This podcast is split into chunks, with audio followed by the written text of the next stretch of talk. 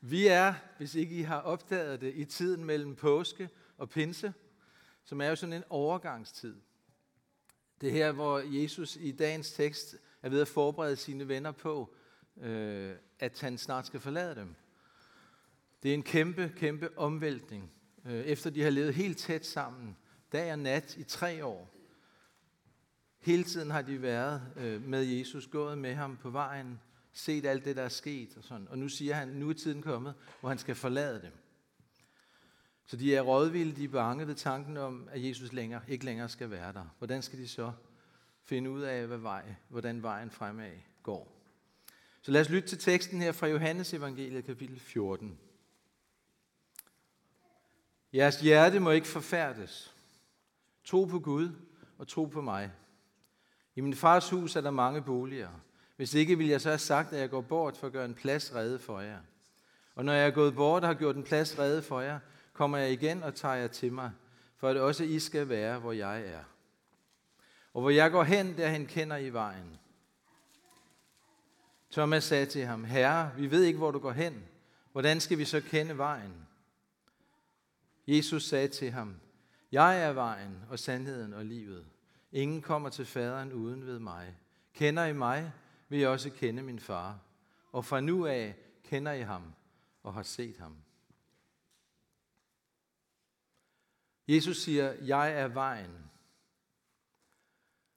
Og det er jo interessant, at de første kristne, de første efterfølgere af Jesus, de blev kaldt dem, der holdt sig til vejen, eller Herrens vej. Og det her med vejen er jo et dynamisk ord. Det har noget med en bevægelse at gøre.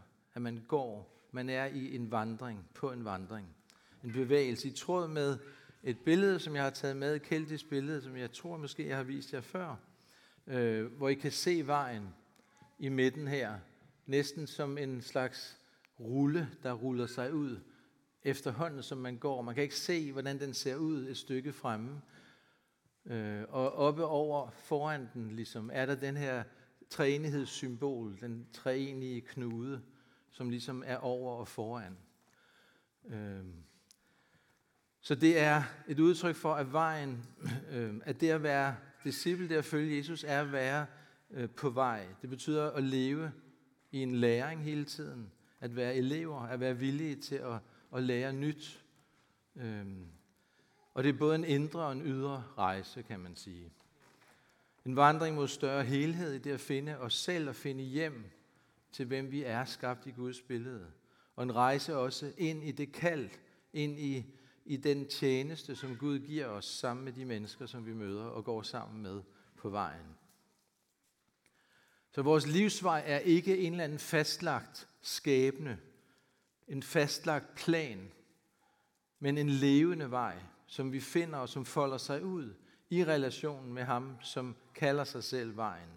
Så Jesus giver os ikke bare et landkort og siger, så nu kan du bare tage afsted og finde din vej fremad. Han lover at være med os. Det er det sidste, han siger til dine disciple, inden han forlader dem. Det er, jeg er med jer alle dage indtil verdens ende. Så han går sammen med os som vores medvandrer, som vores ven, og det er udtrykt her på billedet også med hænderne, der griber hinanden ud i kanten af billedet. Så Jesus inviterer os til at lade vores valg, til at lade den retning, som vi bevæger os i, vokse ud af fællesskabet med ham. Ud af vores samtale med ham, ud af vores lytten til ham. Man kan sige, at det ikke først og fremmest handler om destinationen, hvor vi skal hen, men det handler om relationen. Jesus viser os ikke bare vejen, men Jesus er vejen. Troen som en vej og Kristus som vejen, de to hænger uløseligt sammen. Det er to sider af samme sag. Og at Jesus er vejen betyder også, at det ikke handler om, at vi skal finde en eller anden øh, tynd sti at gå på. En smal streg, som er Guds planlagte vej for os. Og hvis vi falder ud af den, hvis vi ikke finder den og bliver på den, så falder vi ud af Guds plan. Meget langt fra. Vores vej vokser ud af fællesskabet med Jesus som noget levende dynamisk. Og der er altid en god vej videre derfra, hvor vi er nu. Gud har altid en god plan, uanset hvor vi befinder os. Så det mest afgørende er ikke, hvor vi kommer fra, hvor vi befinder os lige nu, eller hvor vi skal hen. Det afgørende er, at han er med os og leder os. Som nogle keltiske kristne udtrykte det, Jesus er vores kaptajn, og vi følger ham. Resten er bare geografi. Så Jesus kalder os til at følge ham. Så det drejer sig altså heller ikke om at virkelig gøre et eller andet program. Det handler ikke om at efterleve bestemte etiske love og regler, eller tilegne sig en bestemt livsstil eller kultur. Der er gode ting at sige om det, men det er ikke det, der er essensen. Det handler om, at han er vejen. Det er det eneste egentlig, det handler om. Den tyske teolog øh, og præst Dietrich Bonhoeffer, som blev henrettet i en koncentrationslejr under 2. verdenskrig, han siger det meget markant sådan her. Kristus lærer os ingen abstrakt etik, som for enhver pris må føres ud i livet. Han var ikke som en filosof interesseret i det, som er universelt gældende, men snarere i det, som kan hjælpe det virkelige og konkrete menneske. Om min handling i det her øjeblik hjælper min næste til at blive et menneske foran Gud. For sandelig, der står ikke skrevet, at Gud blev en idé, et princip, et program, en universel gældende regel eller en lov, men Gud blev et menneske. Så Kristus viser os en levende, dynamisk vej, uforudsigeligt, i et menneskeliv, der leves. Det er vejen, siger han. Jeg er vejen. Så vores liv med ham er en stadig bevægelse videre, en livslang læring, en tilbliven i efterfølgelse af ham. Og samtidig kan vi midt i den bevægelse være i en hvile, i en tryghed, fordi vi allerede bærer hans nærvær i hjertet. Der er to vigtige øh, og gode idealer, som øh, gennem kirkehistorien står i et dynamisk forhold til hinanden. Og i pilgrimstraditionen, der udtrykkes det med to øh, latinske udtryk, som kommer op her. Det ene er peregrinatio pro Christo, og det andet er stabilis loci, og det lyder jo meget fornemt. Øh, men det første, øh, peregrinatio, måske kan I genkende fra Tolkiens Ringens Herre, peregrin Toker. Øh, det betyder jo pilgrim for Kristus. Øh, så det første handler om at være klar til at bryde op. En villighed til at slippe det, jeg kender, for at følge Jesus. Det er det første, er den første ideal. Altså en, en lethed i forhold til det, vi er i, den situation, vi står i. Det andet er stabilis logi. Det handler om en troskab mod det, du har fået givet. En troskab mod dit givende sted. Mod den tjeneste, du har nu og så videre. Så der er en dynamisk forhold mellem de her to, en vilje til at bryde op på den ene side, og at vi samtidig er villige til at være vedholdende og tro mod det, Gud giver os at tjene i, indtil vi bliver kaldt videre.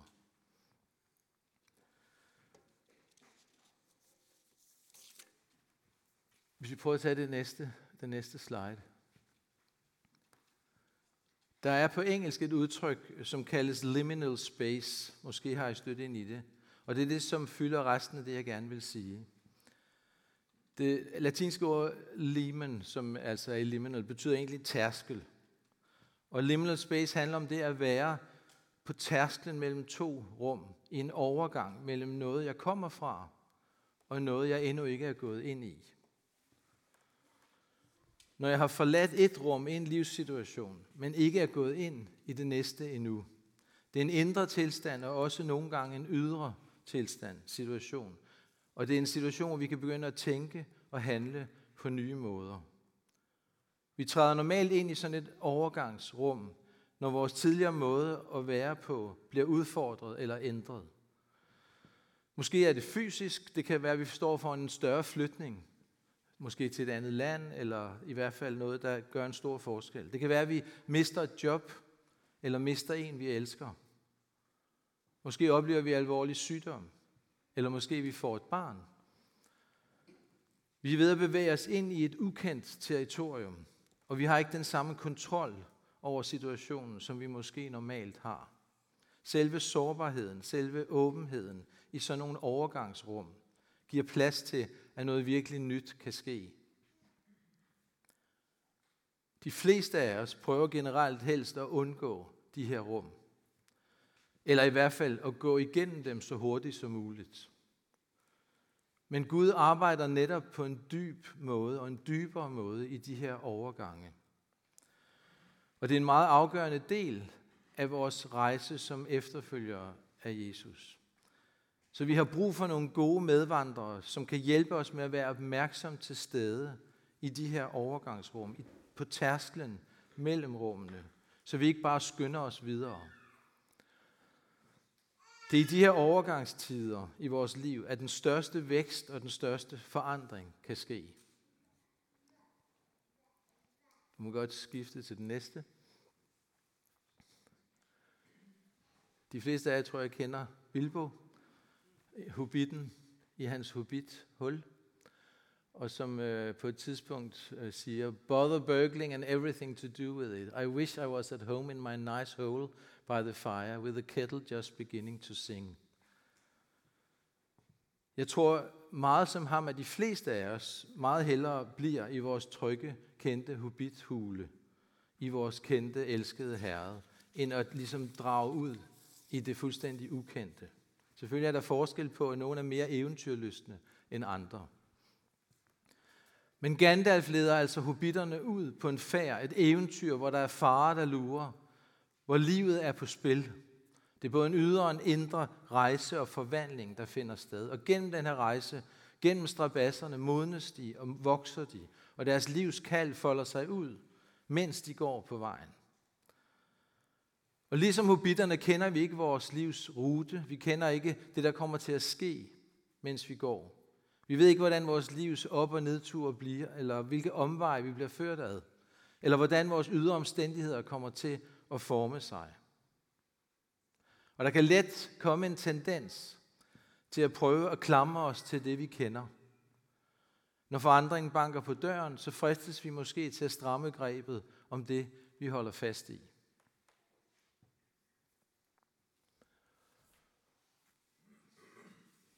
en øh, kvinde, en engelsk kvinde, der hedder Cameron Trimble, Trimble. Hun er forfatter og præst, men hun er også uddannet pilot. Og hun fortæller, hvordan at mens hun gik og uddannede sig til pilot, så lærte flyveinstruktøren hende noget i en situation, hvor der var kraftig vind. Han sagde, vi kommer til at ramme noget turbulens forud, og du vil lære noget om dit fly. Hvis du strammer grebet om styrepinden, så reducerer du dit flys aerodynamik. Som pilot gør du faktisk flyvningen mindre sikker, mindre stabil og jævn. Så husk, når der er turbulens, så flyv med et løst greb om styrepinden. Jesus siger igen og igen, frygt ikke, tro kun. Følg mig, lær at leve med åbne hænder. Han vil lære os ikke at bygge vores tillid og tryghed på det, vi kender og det, vi har kontrol over.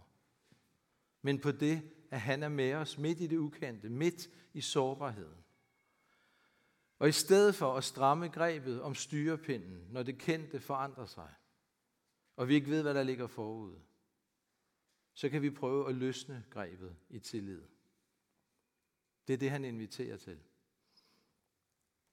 Når vi tænker på vores liv som en række overgange, som en række tærskler, som vi skal krydse, så kan vi let blive mindet om Israels folk, der vandrede 40 år i ørkenen.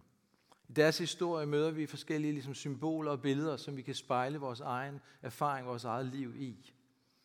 De var en bevægelse fra slaveri til frihed. Og det indebar en stadig rejse, et stadigt opbrud fra hvor de var, en vandring ind i det ukendte. De var ofte vrede på Gud, fordi at Gud fjernede alle de ting, de kendte, alle de trygge ting. Og det så ud som, at han i stedet for førte dem ud på en usikker vej. Og flere gange var de fristet til at vende tilbage til slaveriet i Ægypten. For her var der i det mindste kødgryder, der var fulde af mad. Og der var der noget, de kendte. Er det trods alt ikke bedre med det, vi kender, end usikkerheden her på den her vandring? Så må du godt skifte igen. Det her er jo et billede af Jesus, der kalder øh, nogle af de første disciple. Han udfordrer mennesker til at bryde op. Kom og følg mig. Og der er mange, der gør det. Fiskere forlader deres fiskenet og deres familie, deres arbejde. Tollerne forlader deres rare tolvbåd, deres sikre indtægt og følger ham ud i det ukendte. Gud er en Gud, der bevæger sig.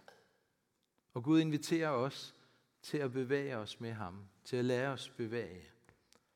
Gud ønsker ligesom at lirke os fri af alt det, som holder os for fast. Han vil lære os at være klar til at bryde op. Som Jesus siger, have bælte om lænden, have overfrakken klar, så du altid er klar til at rykke videre. Også for den tryghed, vi kan have i det, vi kender. Det er i høj grad usikkerheden, som gør, at det virker attraktivt at blive i det kendte. For det er risikabelt at være sårbar og usikker. Det er ikke noget, der føles rart. Men det er netop der, når vi er usikre og sårbare, at vi spørger efter Guds planer i stedet for vores egne. Det er der, hvor vi ikke har kontrol, at vi beder Gud om at vise os, hvor vejen går. Så sårbarheden i de her tærskelsituationer, hvor den er ekstra høj, får os til at søge ind mod Guds hjerte og lytte til Gud. Så vi kan prøve at lære, at hver gang vi kaldes videre, så frit at overgive det, vi kommer fra, til Gud. Så vi kan bevæge os frem med åbne hænder, slippe kontrollen og være modtagelige for det, som kommer. Det kan være smertefuldt og også forbundet med sorg at give slip på det, som har været, det vi kender. Og den sorg og den smerte er det vigtigt at vedkende sig og se i øjnene. Vi kan godt forstå disciplene, som havde levet så tæt sammen med Jesus i tre år. Som havde oplevet alle de ting med ham. Som havde oplevet hans myndighed. Hvordan han oplærte dem. Hvordan han bragte dem ind i selv at, at begynde at gøre de samme ting, som han gjorde. Vi kan godt sætte os ind i, at det må have været mega svært, når han så kommer og siger, at nu skal jeg forlade jer. Og endda siger han, at det er godt for den, at han går bort.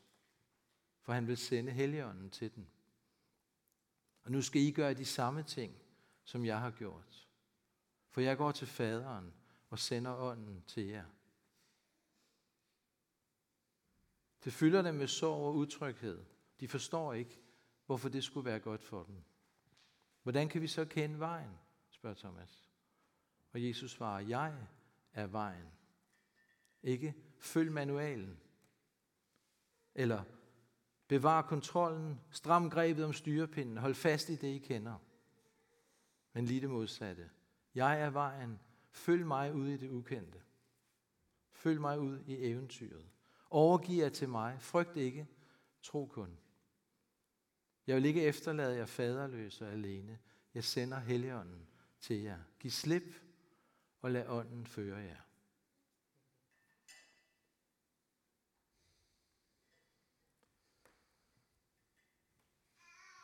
Og nu vil jeg bede en lille bøn som afrunding. Og der vil være lidt tid til refleksion der, hvor I sidder. Og jeg vil opmuntre dig til at overveje, reflektere over det her spørgsmål. Hvad i dit liv har du brug for at give slip på og overgive til Gud, for at du kan bevæge dig videre med åbne hænder, så du kan tage imod det nye, der kommer.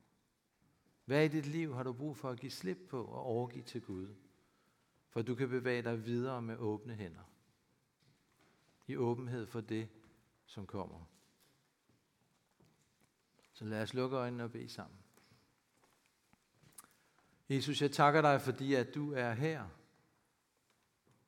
Jeg takker dig for dit løfte, om at du er med os alle dage ind til verdens ende. Jeg takker dig, fordi at du har sendt Helligånden, som bor i os med troen. Nu beder jeg om, at du vil hjælpe os til at overgive til dig det, som vi har brug for at overgive til dig. Hver især. At du vil hjælpe os til at åbne hænderne og give slip.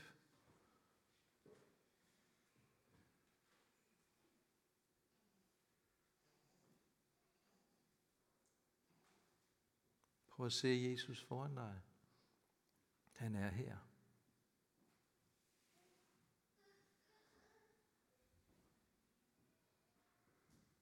Prøv at se, at han rækker sine hænder frem til dig. Så hvis du vil, så kan du overgive i hans hænder det, du har brug for at give slip på. Læg det der i hans hænder og sig til ham med dine egne ord. Jeg overgiver det til dig. Jeg vil følge dig.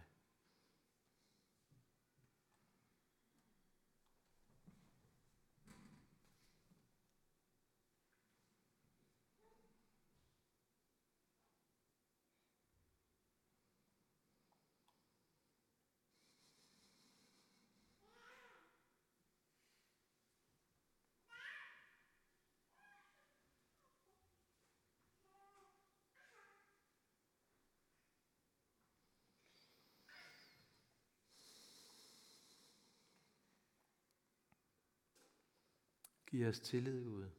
Giv os tillid til dig, Jesus.